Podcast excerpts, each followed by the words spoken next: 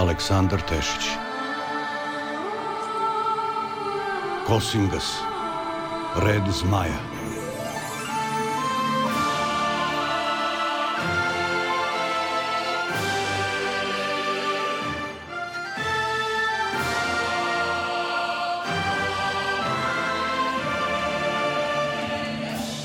Epizoda treća.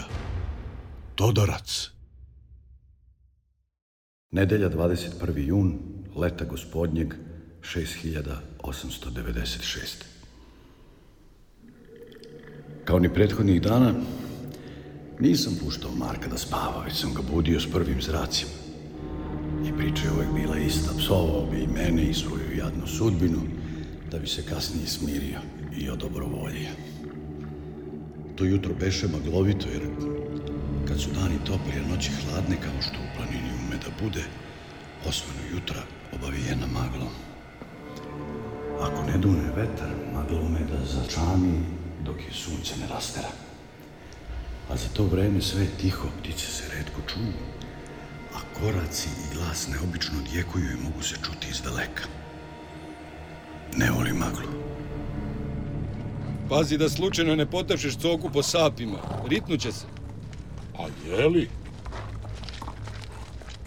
Ružna navika. Kako kad? Nekad dobro dođe. Ne bih baš rekao. Ali ti valjda znaš bolje. Ti si Kosingas. I ti ćeš znati. Daj sebi malo vremena. Nisam bio raspoložen za rasprave, pogotovo što sam primetio da me Marko redko sluša. Nisam gubio nadu da ću ga podučiti, ali nisam hteo ni stalno da gubim vreme s njim. A onda se desilo nešto što sebi kasnije nisam mogao oprostiti.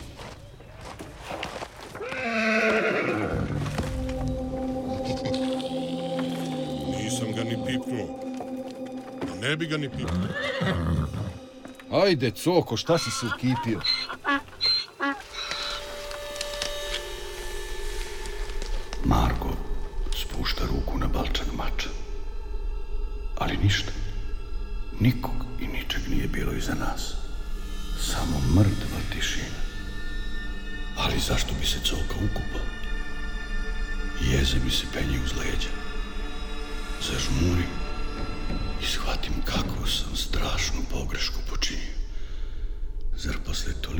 Godina borbi da nasednem na najstariji trik neljudi?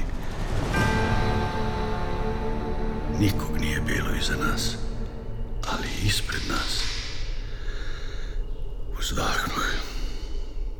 Okrenem se napred polako, zadržavajući dah, plašeći se da mi ne bude poslednji. Ugledavši priliku u magli ispred nas, osetih kako me noge izdaju, a kolena me popuštaju, kao da me sva snaga odjedared napusti, a užasan strah me obuze. Strah od koga se bespomoćno pada na kolena.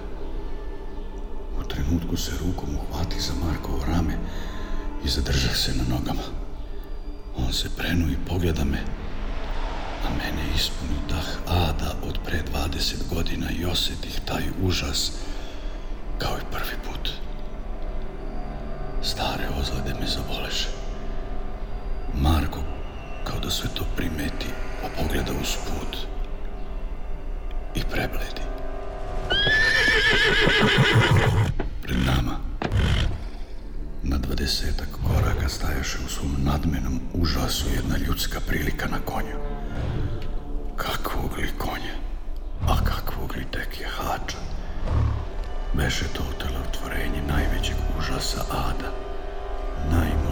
Stvor posle besmrtnih božanstava.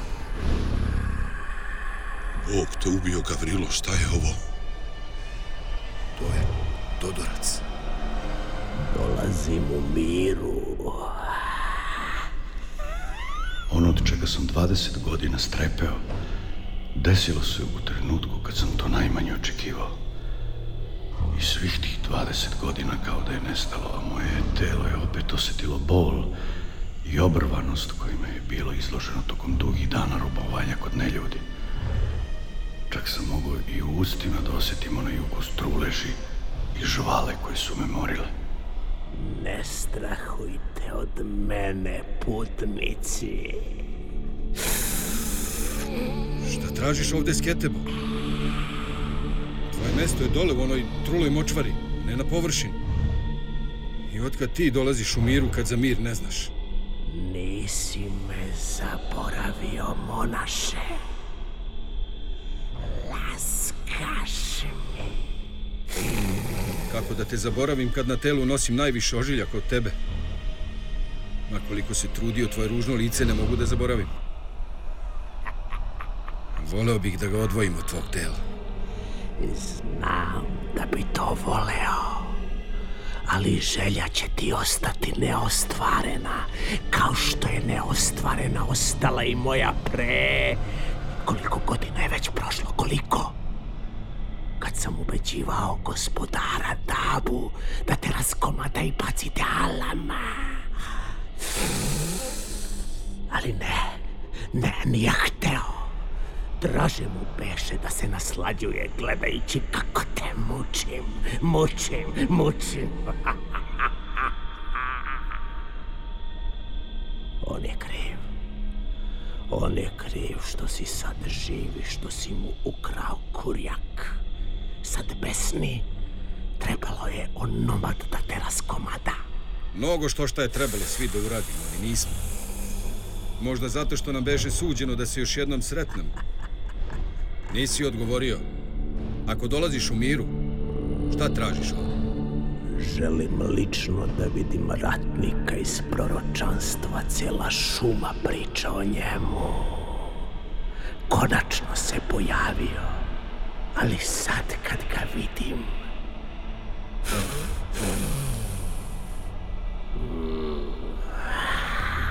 Ne izgleda mi ništa naročito. Čujem da još nije Kosingas a osjećam da mu je strah zreo i da može lako da umre. Samo preko mene mrtvog nakazu. Slažem se.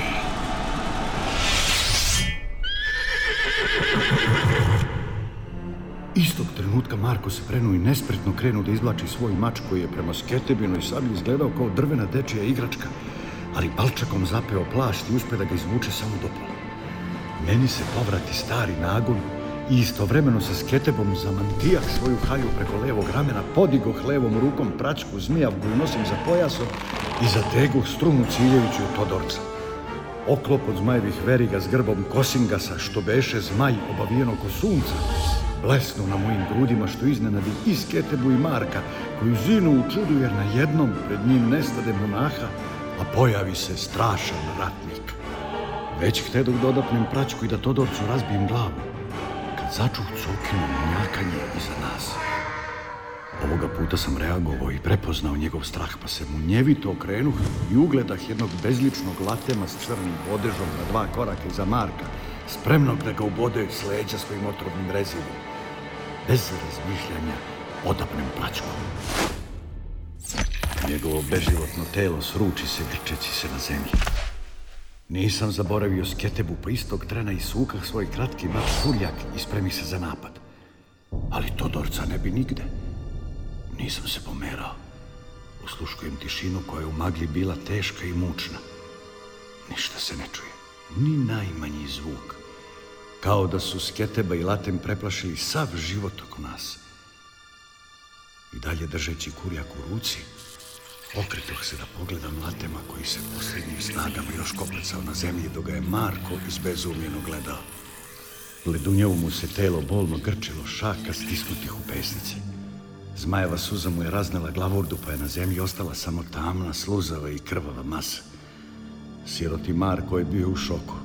U nezverenoj kralju izgledao čas u leš demona, čas u mene, u bleštavom oklopu s mačem u ruci, čas u mestu gde je stajao strašni Todorac.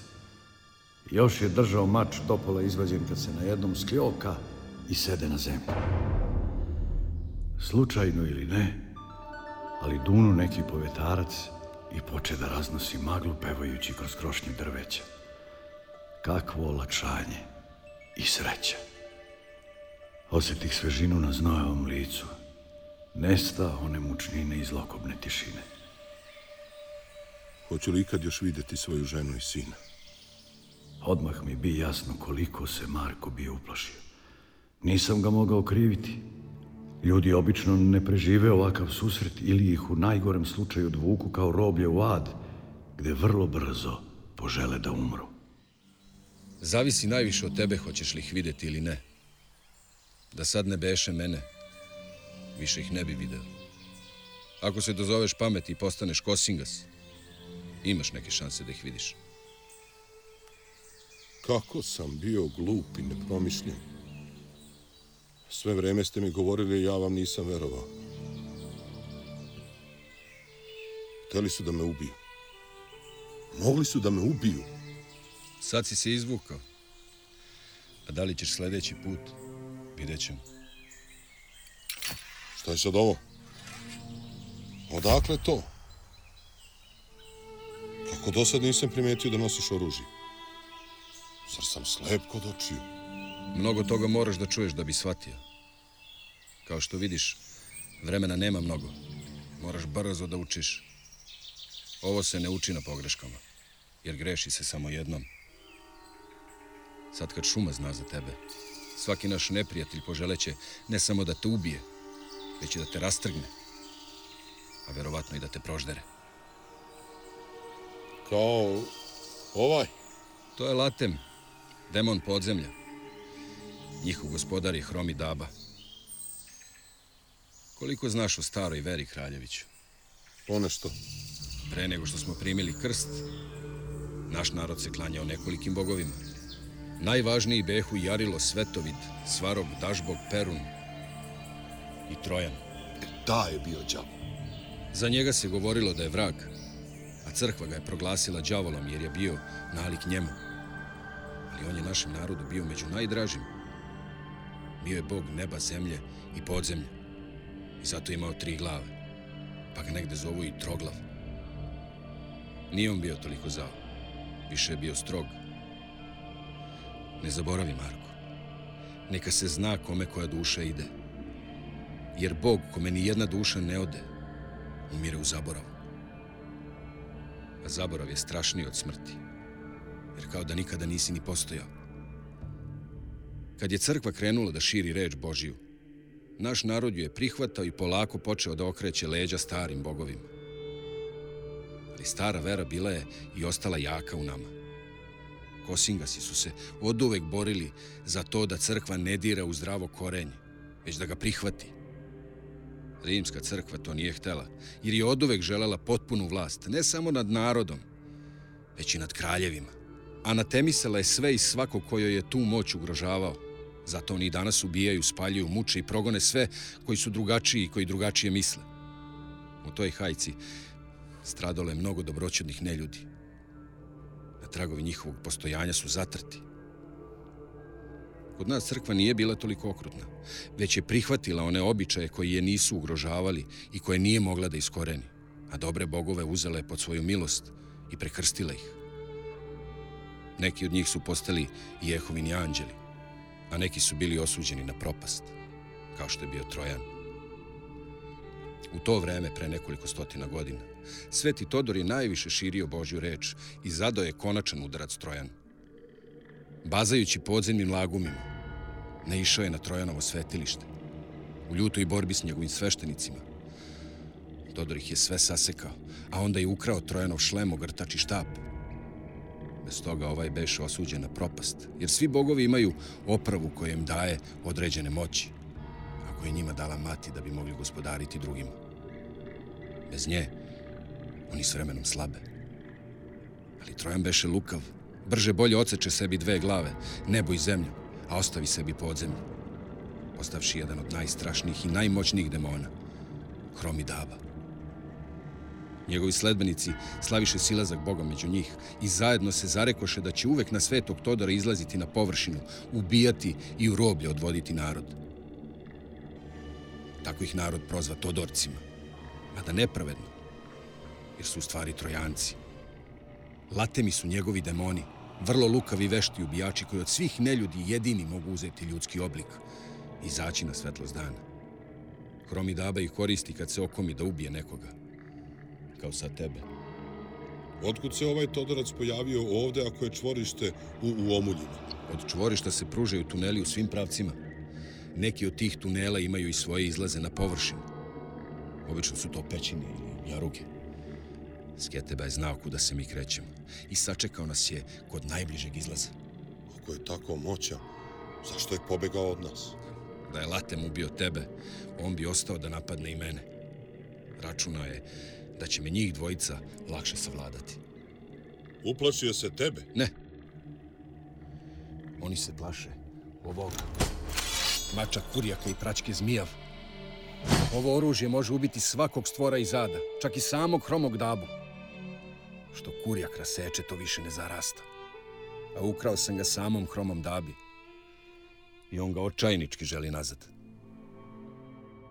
Dan je odmicao, a mi skoro ništa od puta nismo prešli. Staza nas je vodila dalje ka severozapadu duž venca, a u daljini smo mogli vidjeti nešto niži vrh Kruglice. Izbili smo na potok Rankovicu koji je izvirao pod Babine čuke. A u njega se ulivalo više manjih vodotoka, pa je Rankovica ponegdje imala širinu od dva, tri hvata, a dubinu i do pojasa. Pošto smo sve vreme išli kroz šumu, a dani su bivali sve topliji, vlaga je bila sve veća. Rashladiti se u hladnoj vodi prijalo nam je više nego išta, pa su čak i coka i šarac ušli da potraže osveženje. Ni planina više nije pružala hlad kao prethodnih dana. Pred nama je bilo vrelo leto. E, našli smo lepo mesto sa šljunkovitom obalom, pa smo brže bolje skinuli sve sa sebe, jedva čekajući da se osvežimo u vodi. Marko tad prvi put ugleda moje ožiljke i nije mogao da sakrije svoj užas. Beše mu neprijatno zbog toga, ali izraz na licu je sve govorio. Nisam mu zamerio, jer sam znao na šta liči.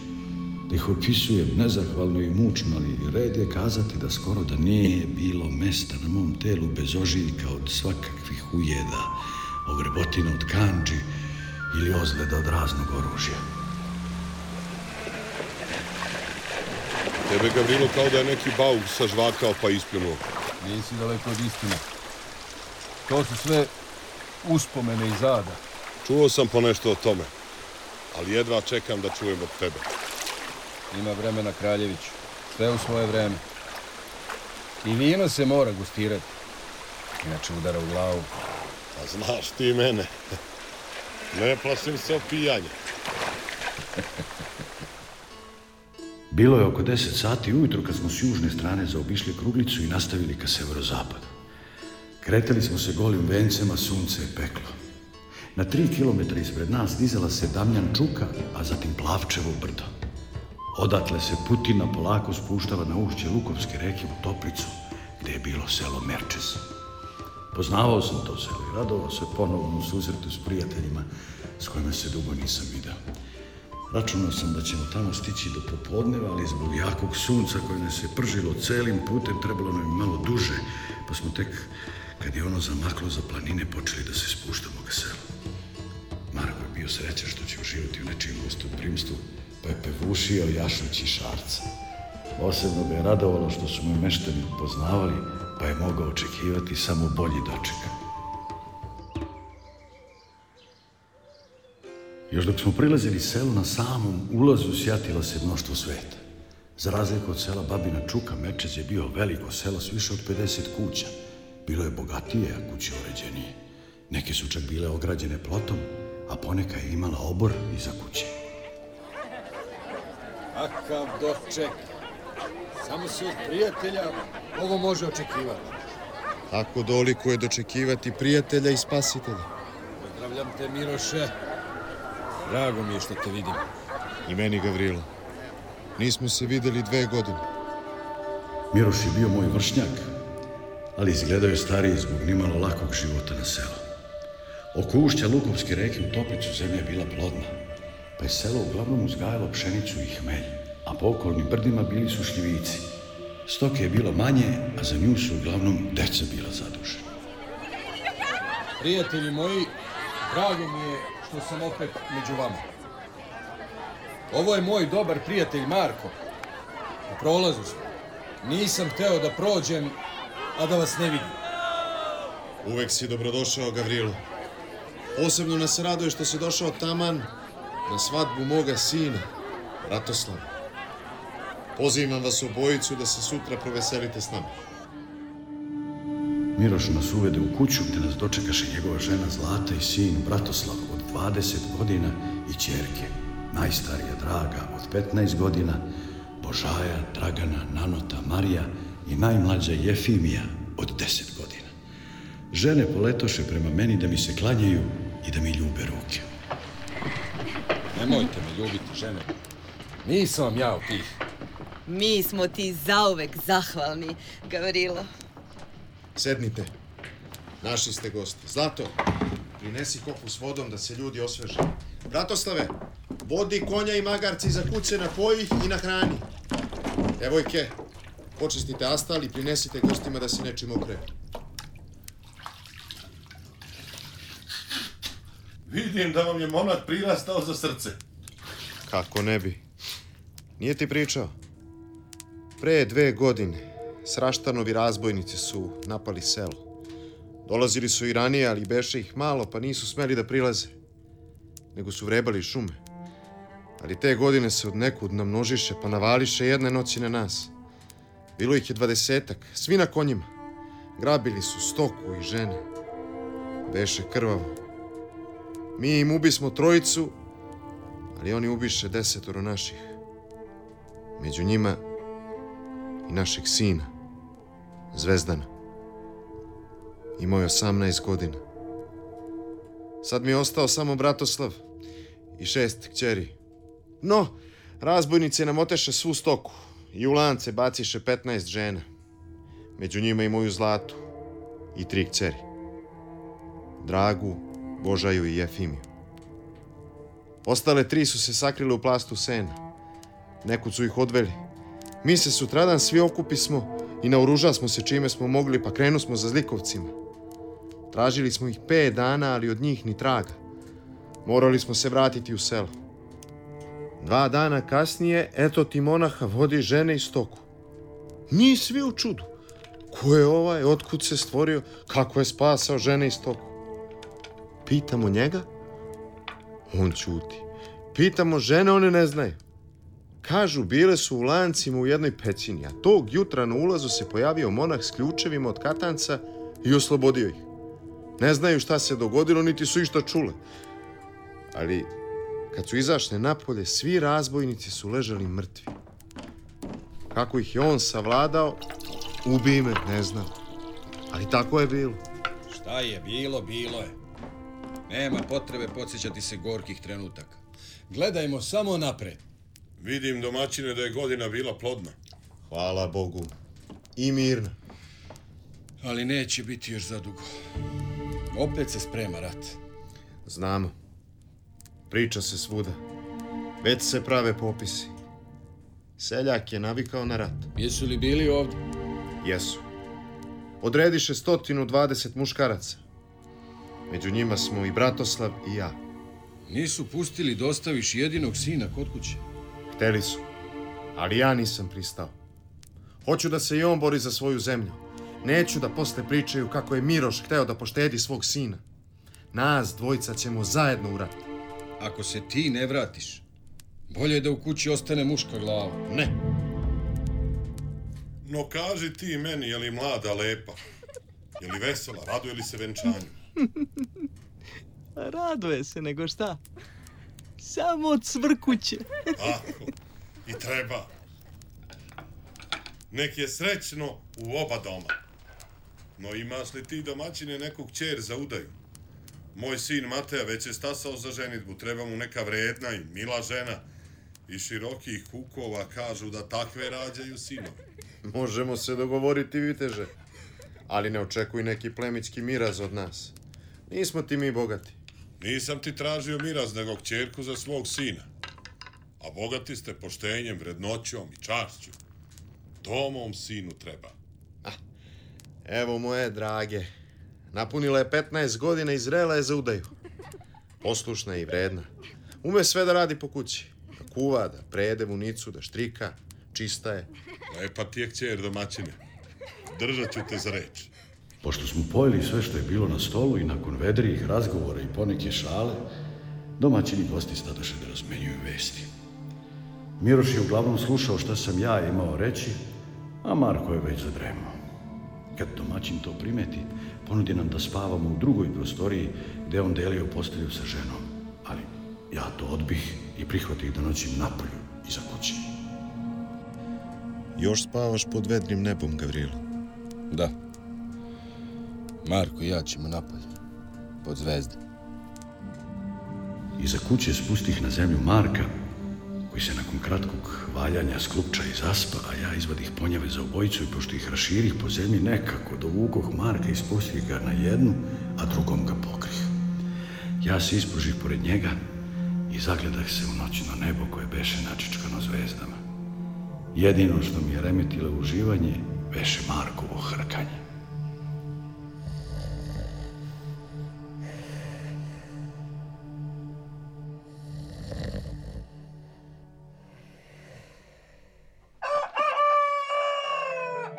Samo što se nebo zarumenilo na istoku, u Mirošovoj kući se zatala buka. Čuo se domaćin kako izdaje naredbe i viče na ženskadiju kako se treba pripremati za svadbu. Pošto je svim podelio poslove, Miroš izađe iz kuće i uputi se u dvorište kod svoja dva gosta. Mene je zatekao na nogama, ali Marko, još sklupčan, spava i harče.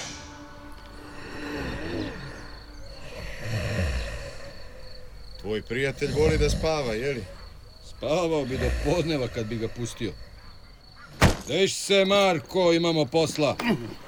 Moramo pomoći u pripremanju svadbe. Kako da ne? Čeka nas klanje svinja i ovaca. Mora se meso ispeći, vino i pivo natočiti, rakija ohladiti. Tako je, viteže. Popi jednu neumivaču. Nadam se da nam nećeš zameriti što ćemo venčanje obaviti po starom. Zar ti neće doći pop? Crkva je daleko odavde. Ja poštojem običaj domaćina i ne mešam se. No kaži mi, Miroše, da Bratoslav nije oteo devojku pa je ženi na silu. Znam da se to radi. Nije. Nije, tako mi njega. Mara iz našeg sela. Pre dva dana bio sam sa Bratoslavom kod njezinog oca i dogovara smo se oko otkupa za nju. Nije Bratoslav od momaka koji bi devojku oteli, niti bih je ja takvu primio u kuću. To je naopakost. Onda je u redu.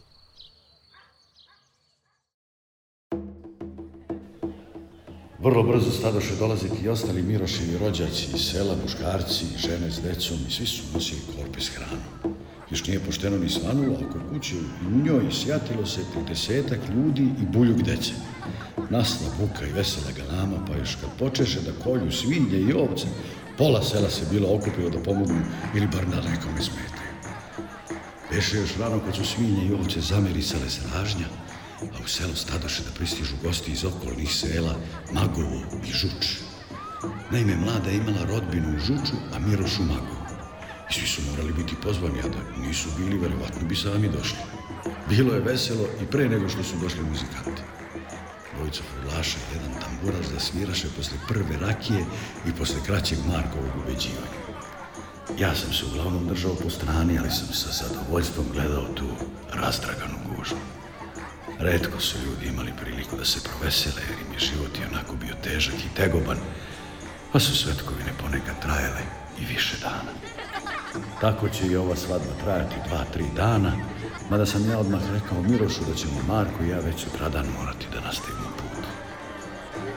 Negde oko podneva, Miroš povede sine i svatove po nevestu. Nevestina kuća beže na drugom kraju sela, pa se kolona otegla.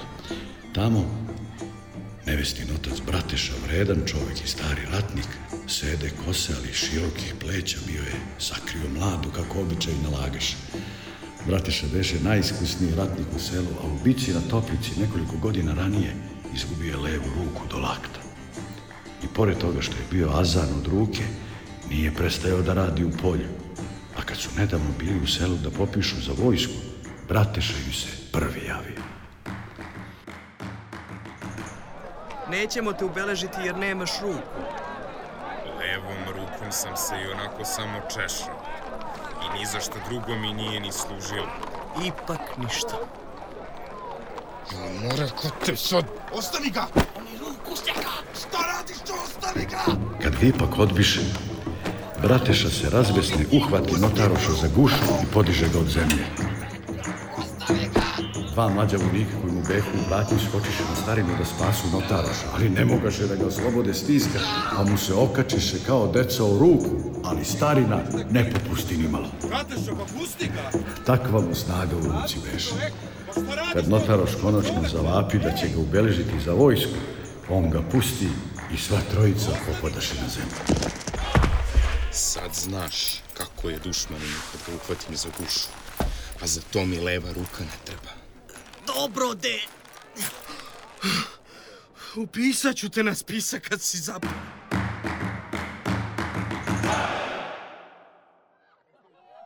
Pazi, bratoslave, da te nevesta iz nekog prikrajka ne pogleda kroz bušan kamen, jer će te onda vrteti oko malog prsta. Sagni se i ne izviruj. I svatova su povremeno dobacivali šale, ne bili odobrovoljili nevestinog oca da dovede mladu. Nakon davanja otkupa koji beše u stoci, dve krave i pet ovaca, brateša ode u kuću, izvede nevestu učenu dugu, belu, lanenu haljinu, ukrašenu narodnim motivima i s poljskim cvećem u kosi. Lepo jeličino devojačko lice krasi osmeh, a pogled je od stida krila. Otac predade kćer mladoženji i oni se pod ruku uputiše natrag kući. A tamo neopisiva gužva. Gosti uz tapšanje i povike dočekaše mladenci i povorku i napraviše im mesta da prođu do dvorišta kuće gde je trebalo da se obred ženitbe obavi. Kad su mladenci stali ispred jednog panja, započe ritual. Prvo uzeše jednog crnog petlja i dadoše ga Mirošu, kome ovaj jednim zamahom sekira odseče glavu na panju i brzo ga umota u jednu krpu kako bi odagno uroke iz zle sile. U to domaćin iznese sabornjak. Veliki okrugli svadbeni kolač u obliku pogače ukrašen crtežima sunca i meseca. Položi ga na panj, mladenci otkinuše od njega po jedno parče i dadoše jedno drugome iz ruke da jedu. Priđe im nakonče, najmlađe muško dete među gostima i Mara ga tri put podiže u vazduh, poželevši da prva tri deteta budu muška. Jelici majka zatim rasplete kosu koja je padala do pola leđa i oštrim nožem vešto je odseče i skrati do ramena. Stavio i veo kao simbol udate žene. Mladoženje uze mladu za ruku i povede ka kući gde zastadoše i oboje kleknoše pred pragom. Mlada se sagom i poljubi prag mladoženjene kuće u znak poštovanja prema njegovim precima, čiji se pepeo tu zakopavao, pa se onda podiže kako bi prag preskočila ne gazeći ga i uđe unutra. Uz povike i dobacivanje gostiju mladenci se zatvoriše u kuću. Narod se zatim uhvati u kolo, a muzikanti veselo zasviraše. Gosti brzo zaboraviše na mladence, pa se okomiše na hranu i piće. Marko beše najgrlatiji i najveseliji od svih. Čovek bi rekao da on ženi sina, a ne Miroš. Ja sam stajao po strani sa zdelom kozijeg sira i slanine. Pošto je bila svečana prilika, uživao sam u slatkastom vinu. A nešto kasnije sam obišao coku, nahranio ga senom i napojio vodom.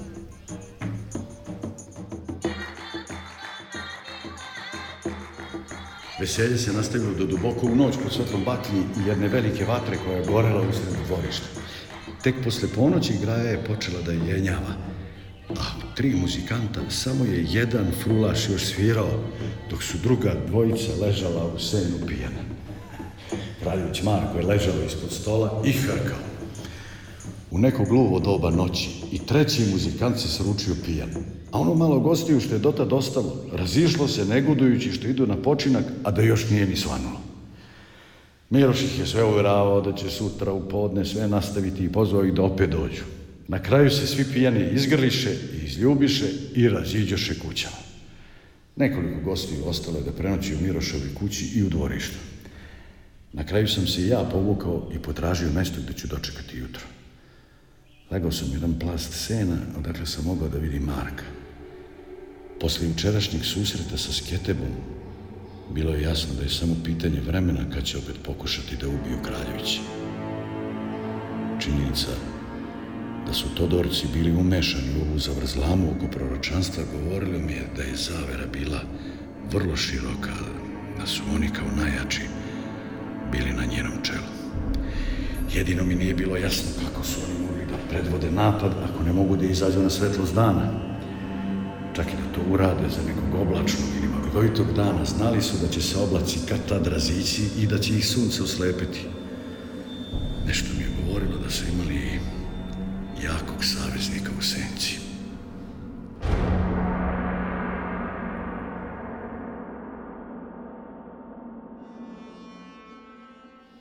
Sunce je već bilo visoko na nebu, a ja Marka nisam mogao da probudim. Nekoliko trenutaka ga drmah, vukoh, poliva ga vodom, ali on je i dalje ležao kao mrtav. Da nije buncov psovao, zaista bi pomislio da je mrtav. Srećom, negde oko 10 sati kraljević se konačno diže na noge i odmah se uhvati za glavu.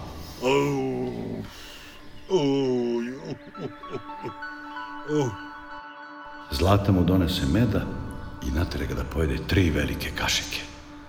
Jeo je i mrštio se, ali je ćutao.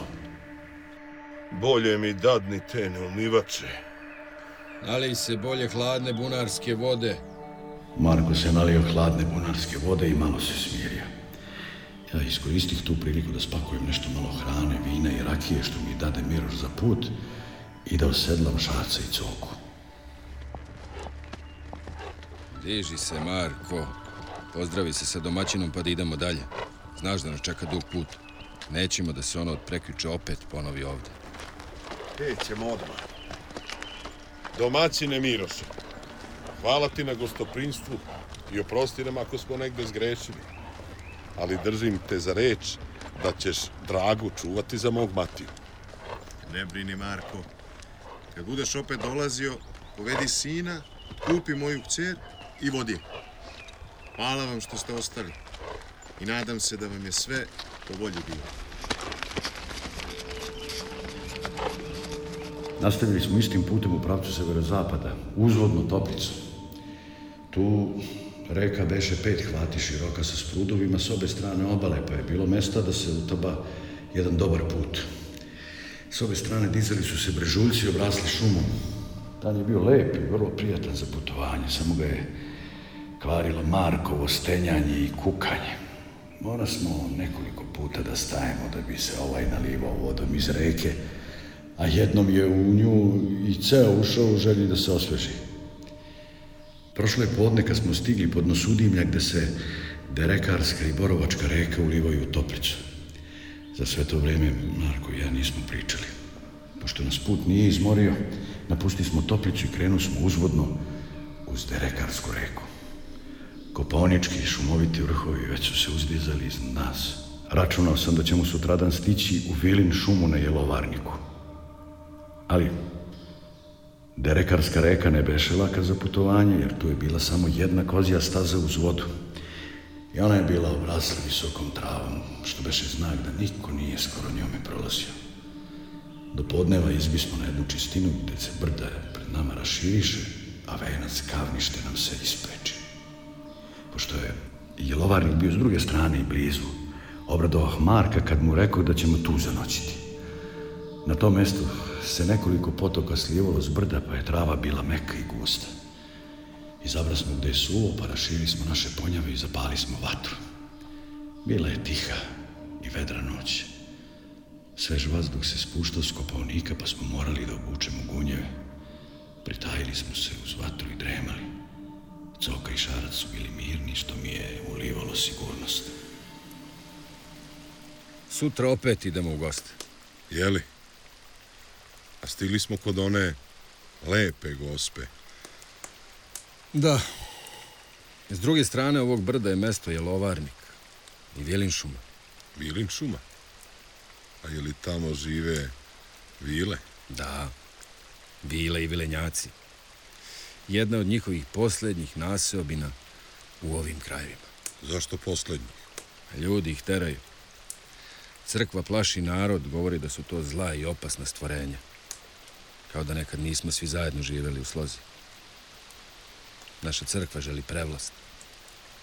Mora da se zna kome koja duša ide. Šuma oko gradova se krči. Vilin narod se osjeća nepoželjno I odlaze. Kuda? Na sever, što dalje od ljudi. I ne samo oni. Mnoga šumska stvorenja nailaze na prezir kod ljudi i više se ne osjećaju bezbedno. Ljudi su im okrenuli leđa. To je tužna priča. Ljudi su se osilili. Nekada su protiv sebe imali strašne zle neljude, pa su sklapali saveze sa svima koji su bili protiv njih. Ali nakon što je potop podavio skoro sve njihove neprijatelje, ljudi se latiše ratovanja jedni protiv drugih i s vremenom zaboraviše stare saveze. Bratstvo je polako ustuknulo pred mržnjom prema svemu što je neljudsko. Slušao sam priče o vilama i vilenjacima. I pesme se pevaju o njima. Ali nikad ih nisam video niti išta o njima zna. Ako ćemo sutra k njima, kaži mi nešto da se ne sramotim kad ih vidim. Stadoh pričati Marku sve, ili bar skoro sve što sam znao o vilinskom narodu. Neke stvari uvek valja zadržati za sebe, jer ne znaš jesu li za svakoga ili je nešto rečeno samo tebi. Naime, Vilinski narod beš jedan od najstarijih na svetu i ostali su najverniji šumi u kojoj žive, jer su bili njen deo. Bilo da su živeli visoko u planinama ili u nizini, vilinski narod je voleo blizinu vode, a naročito vodopade i slapove koji dižu vodanu prašinu i buku. Pre potopa su živeli u kućama na drveću, a posle, izdani od ljudi, povukoše se u drveće ili u panjeve što dalje od očiju ljudi koji ih više ne gledaše kao prijatelje i nekadašnje saveznike u ratovima protiv Todoraca, psoglavih i drugih zlih neljudi i demona. Mogli su postati nevidljivi ili vidljivi po svojoj volji, veliki ili mali, ali da ne bi plašili ili vređali čoveka, uzimali su u čovečiju veličinu izgled, ali nakon što su se ljudi odrekli njihovog prijateljstva, najčešće uzimaše veličinu nekakve male ptice, kao vrapca, ili bi znatiželjnime ostali neprimetni. Noću su svetlili, a neupućeni bi pomislili da su to obični svici. Kao što rekoh, pre potopa behu saveznici ljudima i neustrašivi borci, ali i najveći majstori u izradi oružja. Bilo da su kovali mačeve ili pravili lukove, za njihovim oružjem jednako su vapili i ljudi i neljudi, pa čak i bogovi.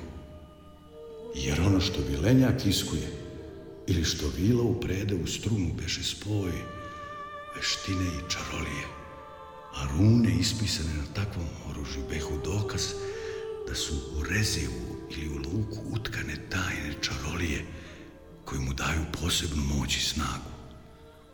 Sem što su takvo oružje pravili za sebe, ljubomorno ih čuvali i sebično skrivali, vilinski narod je umeo da napravi oružje za razne junake iz prošlosti koji su imali časne namere i hrabra dela na umu.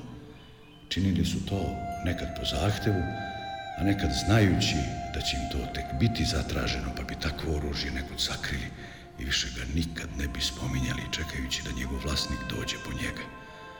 Jer naime, vilinski narod je znao ne samo o dalekoj prošlosti, već su neki mogli videti i budućnost. Mi vidimo niz put dalje od čoveka, ali samo do prve okuke. Šta je iza okuke, znaćemo kad stignemo do nje, govorili su oni. Zbog toga je takvo oružje nekad nestajalo u zaboravu, skriveno od očiju, jer se njegov vlasnik nikad ne bi pojavio. A nekad bi ga i sam junak pred smrt umeo da sakrije i tako zaštiti od zlikovaca. Zato se dešavalo da takvo oružje slučajno otkriju patuljci koji su bili poznati rudari, todorci, pa čak i psoglavi koji su tumarali po lagumima i pećinama. Neretko bi takvo oružje dospelo i u ruke bogova.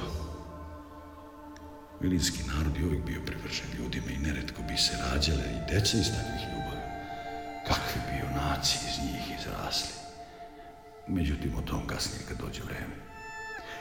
Ali danas vilinski narod se redko pojavljuje pred ljudima, a još ređe bi se uhvatio u kolo i zajedno zapevali. Malo je bilo onih izabranih kojima su bili spremni da se povere. Kosingasi su bili među takvima.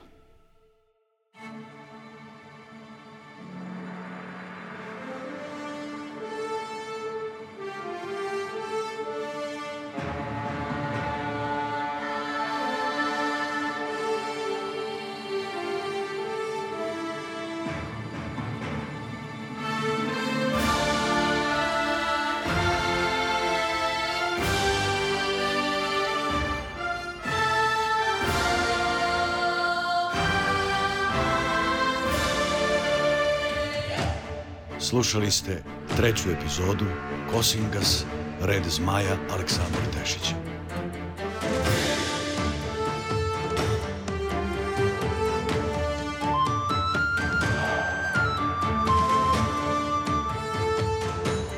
Uloge su tumačili Radoje Čupić, Dejan Šarković, Ljubiša Milišić, Jugoslav Krajnov, Stefan Juanin, Marko Savković, Danilo Milovanović, Sonja Damjanović.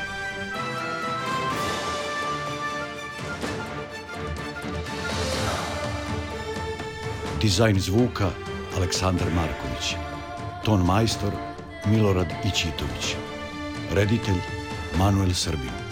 Kompozitor Nikola Jeremić. Organizator Suzana Simić. Urednik dramskog programa Slobodan Govorčin.